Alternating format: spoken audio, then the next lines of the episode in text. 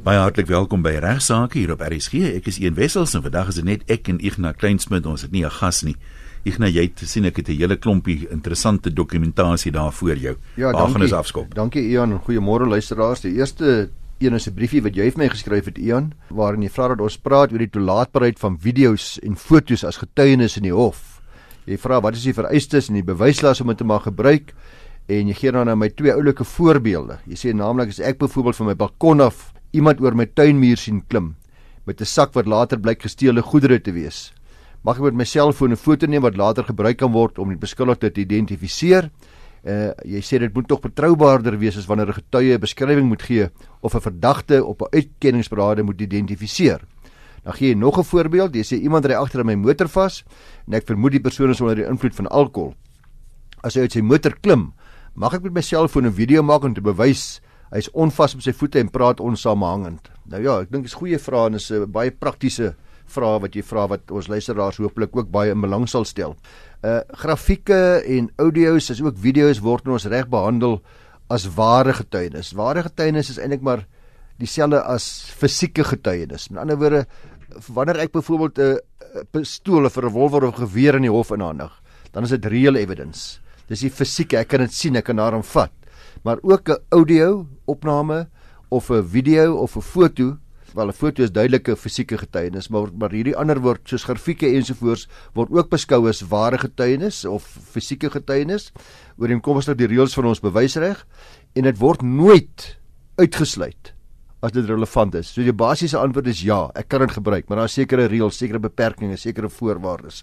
Dit word eers aanvaar as getuienis en dan word so eerstens kan ek sê hierdie is 'n foto, ja, dis getuienis, dis ware getuienis. Of hierdie is 'n video-opname of hierdie is 'n hoorbeeld of wat ook nog dit mag wees. En dan word daarna gekyk of dit akkuraat is, of dit autentiek is. Of dit of die inligting wat wat daar wat dit blyk voor te gee of dit inderwaarheid korrek is.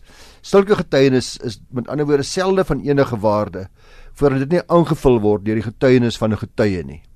Die reg verwys soms na 'n foto om die hulp om die hof behulpsaam te wees waar dit onmoontlik is om beter getuienis in die hof te verkry. So daar's geen ander getuienis nie.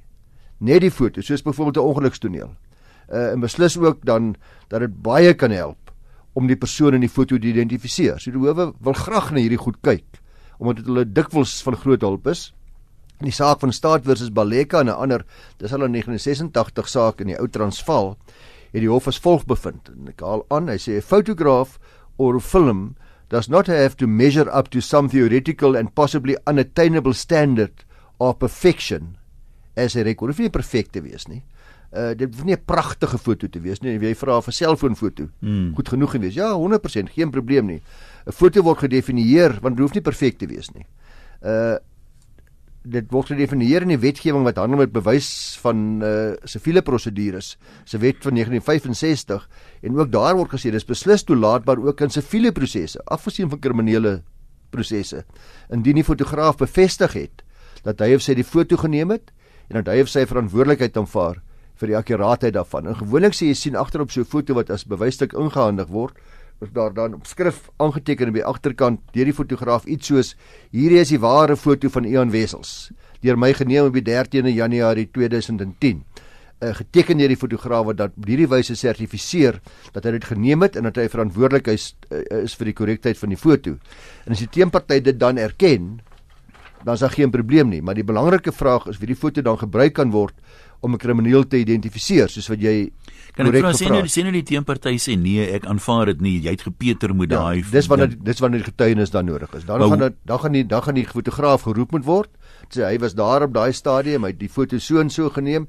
En as die foto se outent die sê dis dan nie autentiek nie. Dan moet jy deskundige getuie bring Uh, maar as jy bewyslas op jou sê nou ek het ek het die video met my selfoon geneem en ek die, sê ek wil die foto wil gebruik ja. Moet ek dan deskundige getuienis bring wat sê hier's nie gepeter met die ding of Correct, so nie. Ja, as dit as dit as daar beweer word daar's gepeter of as daar geweer beweer word daar's dit is nie autentiek om een of ander rede nie. Uh -huh. Daar's getorring daaraan, dan moet ek afgesien van die getuienis van die persoon wat geneem het en die omstandighede waarin dit geneem is en gedoen is, moet ek dan ook dan deskundige getuienis bring. In die saak van uh, Rex versus W se 1975 saak uh, het die hof hom as volg uitgelaat en gesê Photographs and films must be identified as true representations of the objects and persons which they purport to represent before they can be said to be real evidence. Objects do not prove themselves any more than documents do. Nou die rede soos jy dit reg gesê het, hierdie getuienis kan maklik gemanipuleer word en daarom is die is die is die, is dit nodig om dan soms uh, ander getuienis aan te bied. Die tweede vraag het handel met 'n video uh in of dit 'n hof as getuienis gebruik kan word. Presies dieselfde antwoorde is hier van toepassing. Uh ook in dieselfde staat versus Baleka het die hof nogal mooi dinge oor 'n video gesê. Die hof beskryf die waarde van 'n video-opname as volg. Dit sê it does not suffer from fading memory. Uh as may the testimony of human witnesses. It provides a more accurate and a more clear picture than a human being. Wat ook baie waar is. The camera retains not only the words but also the non-verbal communications of those people in the camera. Nou uh weer eens net belangrik om dan getuienis aan te bied, maar is baie duidelik op jou vraag te beantwoord Ian en luisteraars dat die hof fotos of video's as belangrike hulpmiddels gebruik om die hof by te staan en veral ook die vervolging van kriminele sake maar dat dit ook gebruik kan word in siviele aangeleenthede. Ek, ek dink nou net aan iets anders. Kom ons vat nou weer 'n scenario, iemand ry agter in jou vas en jy vermoed die persoon is onder die invloed van alkohol. Nou klim jy uit jou kar uit en jy sien met die man is onvas op sy voete. Mag jy 'n video met jou selfoon sommer net neem of moet jy toestemming vra om 'n video nee. te neem want hy sal sekerlik nie toestemming gee nie. Jy sal jy sal ek het op 'n stadium 'n paar jare wat gelede verwys na die hele kwessie van inmenging met polisie tonele en ondersoeke ensovoorts. Nou daai stadium wat ek daar kom na ongeluk en ek neem foto's en ek neem video's geen probleem hoegenaamd dis my goeie reg. Uh, dit word natuurlik 'n probleem sodra dit 'n polisie toneel word. Uh, 'n uh, misdaad toneel wat afgekamp is en wat ek nie mag inmeng nie en wat die polisie vir my vra om asseblief, jy weet, ons is besig hierso, moet asseblief nie hierdie inmeng nie. Maar uh benewens dit is daar geen beletsel daaroor teen my en jou om foto's neem. Nou kom ons vat nou jou voorbeeld van die van die dronkie. Uh natuurlik die feit dat ek hom nou afneem en ek wys hy staan slingerend daar of hy praat met 'n sleeptong gaan natuurlik nie beteken dat dit noodwendig dat hy nou gaan bevind word as onder die invloed van drank nie.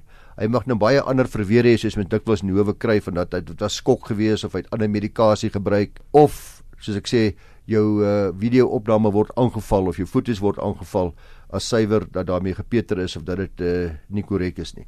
Maar uh, ek sê vir almal wat wil hoor en altyd in ons kantoor ook uh ook wat opnames betref uh alles wat 'n hof moontlik kan help sal die hof kan gebruik as dit net bewys word as waar. Ja. So as 'n mens die geleentheid het om 'n foto te neem, neem liewer 'n foto as wat jy agterna wens jy het. Dis waarom ek altyd ook vir mense sê dat uh ongeluksonele om ook die remmerke byvoorbeeld af te neem om te wys waar die punt van botsing was, waar die glasstukke lê want uh, daai dieselfde persoon wat nou vir jou gesê het, o jammer meneer, ek is my fout. Ek moes ek het nie gekyk waar ek ry nie gaan oor 'n week of wat ja. heftig ontken dat hy of sy 'n fout gemaak het. Nee, dis baie waar. Ek nou baie dankie. Wat's volgende? Ek het al voorheen 'n briefprogram verwys na die drakoniese bepaling in ons wetgewing in artikel 35 van die nasionale padverkeerswetgewing wat handel met die verpligte opskorting van my lisensie in sekere omstandighede. Uh wet 93 van 96 wat saamgelees moet word met die nasionale padverkeerregulasies soos van tyd tot tyd gewysig. So artikel 35 lees as volg. Luister nou mooi wat dit sê, want dit is nogal erg. Dit sê dat elke bestuurder se lisensie of elke lisensie of permit van enige persoon wat skuldig bevind word aan 'n misdaad, waarna verwys word in artikel 59.4 is onder andere spoed. En welke persoon se spoed die voorgeskrewe spoedgrens met meer as 30 km oorskry in 'n stedelike gebied of met meer as 40 km per uur oorskry in 'n landelike gebied of op 'n deurpad is 'n freeway. Sy lisensie moet verpligtend opgeskort word. Verpligtend opgeskort word. Nou my goeie vriend Johan de Pre is 'n prokureur daar van Karedo. Ek dink altyd die mense so bevoorreg om Johan daar Karedo te hê. Maar in elk geval hy sê dat 'n onlangse uitspraak het hy vir my gestuur van regter Kossie C O S S E in die Hoërhof van Gramstad in die Oos-Kaapse afdeling waar hulle praktiseer. Dis 'n saak nommer 290 van 2015. Dis nie gerapporteer nie, dis waarom ek dit nou maar vir u gee. Dit handel met 'n appel in die saak van die staat versus Rudy van Rensburg teen 'n beslissing in die Landdroshof van Humansdorp daar naby Karedo. Nou meer Rudy van Rensburg 145 km/h gery op 'n deurpad, dis daai hoofpad daar tussen Port Elizabeth en Karedo daar Humansdorp verby. Op pad daar nou wat Plettenberg Baai toe, kan mens maar sê. En volgens die owerhede was daar 'n spoedbeperking van 100 km/h. En daar was ook 'n bord wat gesê het 100 km/h. Die landros het meneer van Rensburg beboet met R3000 of 100 dae gevangenisstraf en het verder sy lisensie opgeskort vir 3 maande. Die agtergrond was dat hy skuldig gepleit het op die klagte van die hof en aan die hof verduidelik het dat hy onder die indruk was dat die spoedgrens eintlik 120 was. Onthou hy het 145 gery, dan sal hy nie dan sal artikel artikel ja, 35 ja. hom nie tref nie. Uh hy sê hy's 'n paneelklopper, hy was 'n partner Port Elizabeth toe gewees om onderdele vir sy besigheid te gaan haal. Sy voertuig was splinter nie sê maar hy het verskillende bande opgehad en hy dit kon dalk sy spoedmeter beïnvloed het, maar hy toegegee egter dat hy skuldig is deurdat hy die spoedgrens oorskry het en selfs al was hy onder die indruk dat dit 120 km was uh, in plaas van 100 km/h het hy nog steeds skuldig gepleit. Sy pleit van skuldig is aanvaar en hy het toe vir strafversagting getuig dat hy 45 jaar oud is, hy het al 18 jaar bestuurslisensie, uh, hy's getroud met twee afhanklike kinders. Belangrik is hy verskaf werk aan 18 mense in sy besigheid. Hulle het nie een bestuurslisensie nie. So sy lisensie is van groot belang. Hy het nie werklik die padteken gesien wat die 100 km/h aangeteken het nie, alhoewel dit duidelik gemeensak is die padteken was daar. Hy ry gereeld daardie pad na Port Elizabeth toe en 'n opskorting van sy lisensie sal baie ernstige gevolge hê vir hom en sy werknemers en sy besigheid en alles en sy gesin ensovoorts. Nou uh die hof wys daarop dat artikel 35 wat ek nou nou vir u voorgehou het dat hierdie artikel baie duidelik sê dat as jy die spoedgrens weer as 40 km oorskry het buite 'n stedelike gebied wat in hierdie geval so is op 'n deurpad dan is hierdie artikel van toepassing. Onthou is 145 km/h en dit was na bewering 100. Die regter gaan kyk eers na die vraag of hy inderdaad gevang is op 'n deurpad, die die freeway wat ons van praat. Nou die klagstaat verwys na 'n publieke pad, maar dit is duidelik dat jy weet dat publieke pad is dieselfde as daar nie enige getuienis is nie as as 'n deurpad. Die regter sê dus dat die saak moet beoordeel op basis van 'n deurpad. Die regter wys dan op die bepalinge van klousule 59 van dieselfde wet wat voorsiening maak vir spoedbeperkings wat sê dat die spoedbeperking met betrekking tot elke deurpad sal wees soos voorgeskryf in terme van die regulasies. Die regulasies sê dis 120 km/h. Die regter kom dan tot die gevolgtrekking dat hy met artikel 35, hy met daai artikel beoordeel dat hy kyk dan die voorgeskrewe spoedgrens, die regulasies van 'n deurpad 120 en nie na wat die bordjie gesê het. Uh, 100 km/h nie. So op hierdie manier is is hierdie persoon baie baie gelukkig. Uh Rudy van Rensburg, want die regter sê hy 120 gebruik en dis die regulasies sê en uh Hy dis nie die spoedgrens met 40 km/h oorskry nie, maar slegs met 25.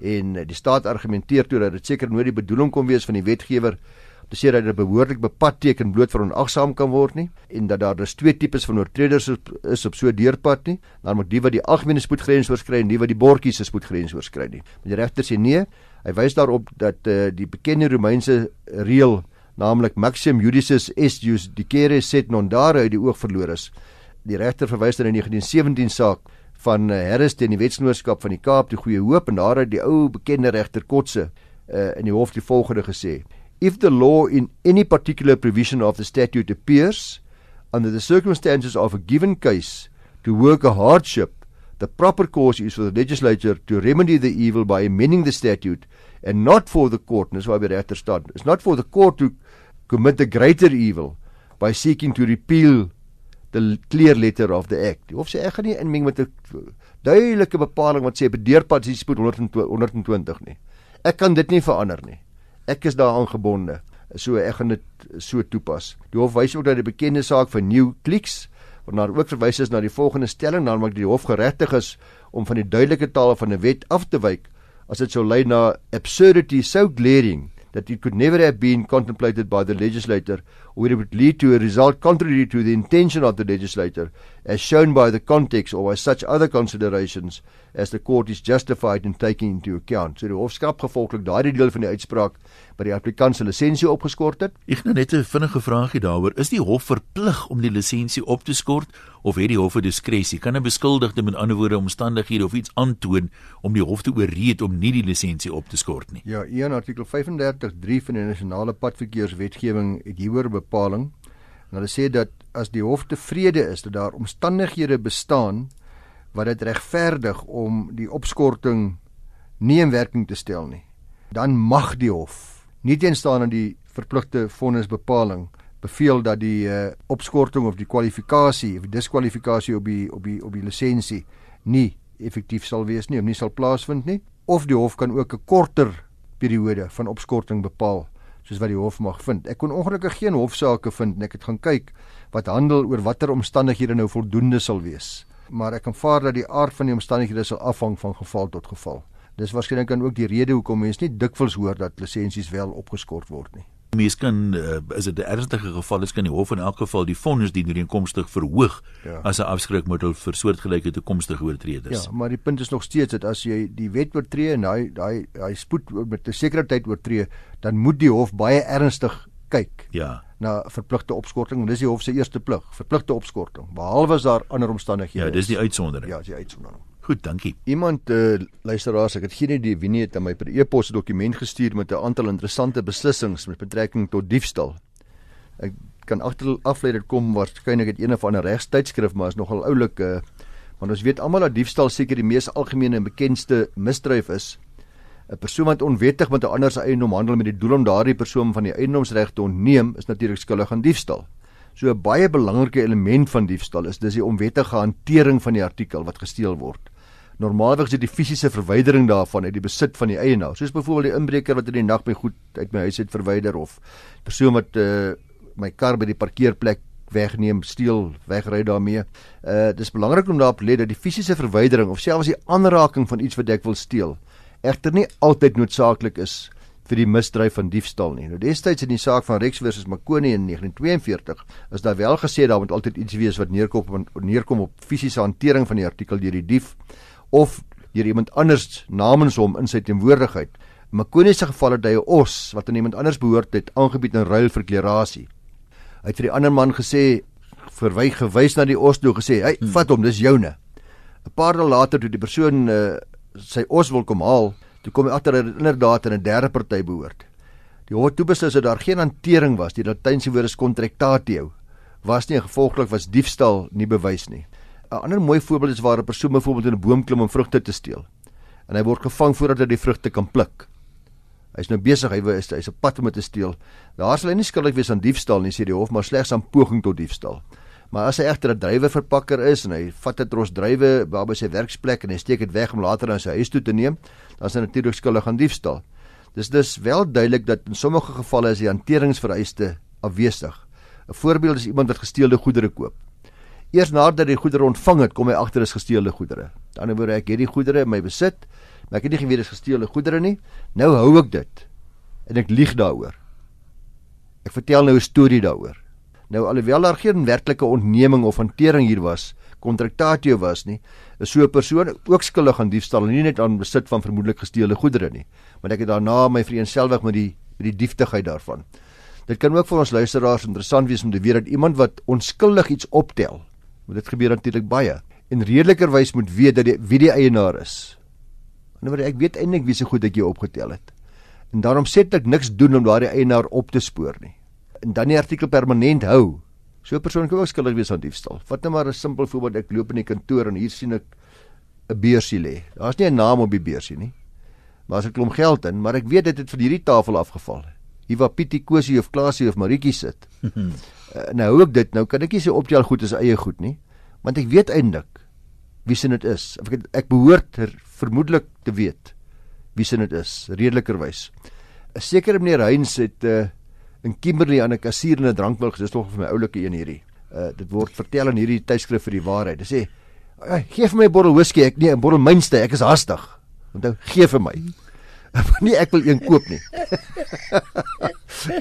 Geef my bottel mynsteek is hastig. Hy ontvang toe die bottel en loop uit sonder om te betaal. Die landrus het hom vrygespreek op 'n aanklag van diefstal want hy het die bottel drank met die toestemming van die eienaar verkry het om hom gegee. Die prokureur-generaal het in hierdie beslissing appel aangeteken met die Hooggeregshof. Die hof het beslis dat die toestemming deur valse voorwendsels verkry word. En dit was ongeldig en dat hy dus wel skuldig is aan diefstal. Nou hy het geargumenteer, dit is vir my gegee.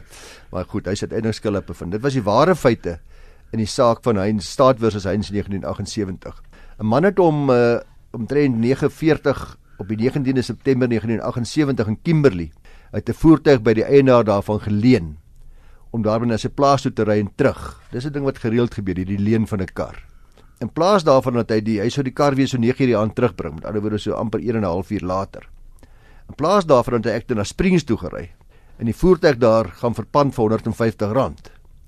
Die man is in die Landdroshof skuldig bevind aan diefstal en hy vra ter die Hooggeregshof om die saak te hersien.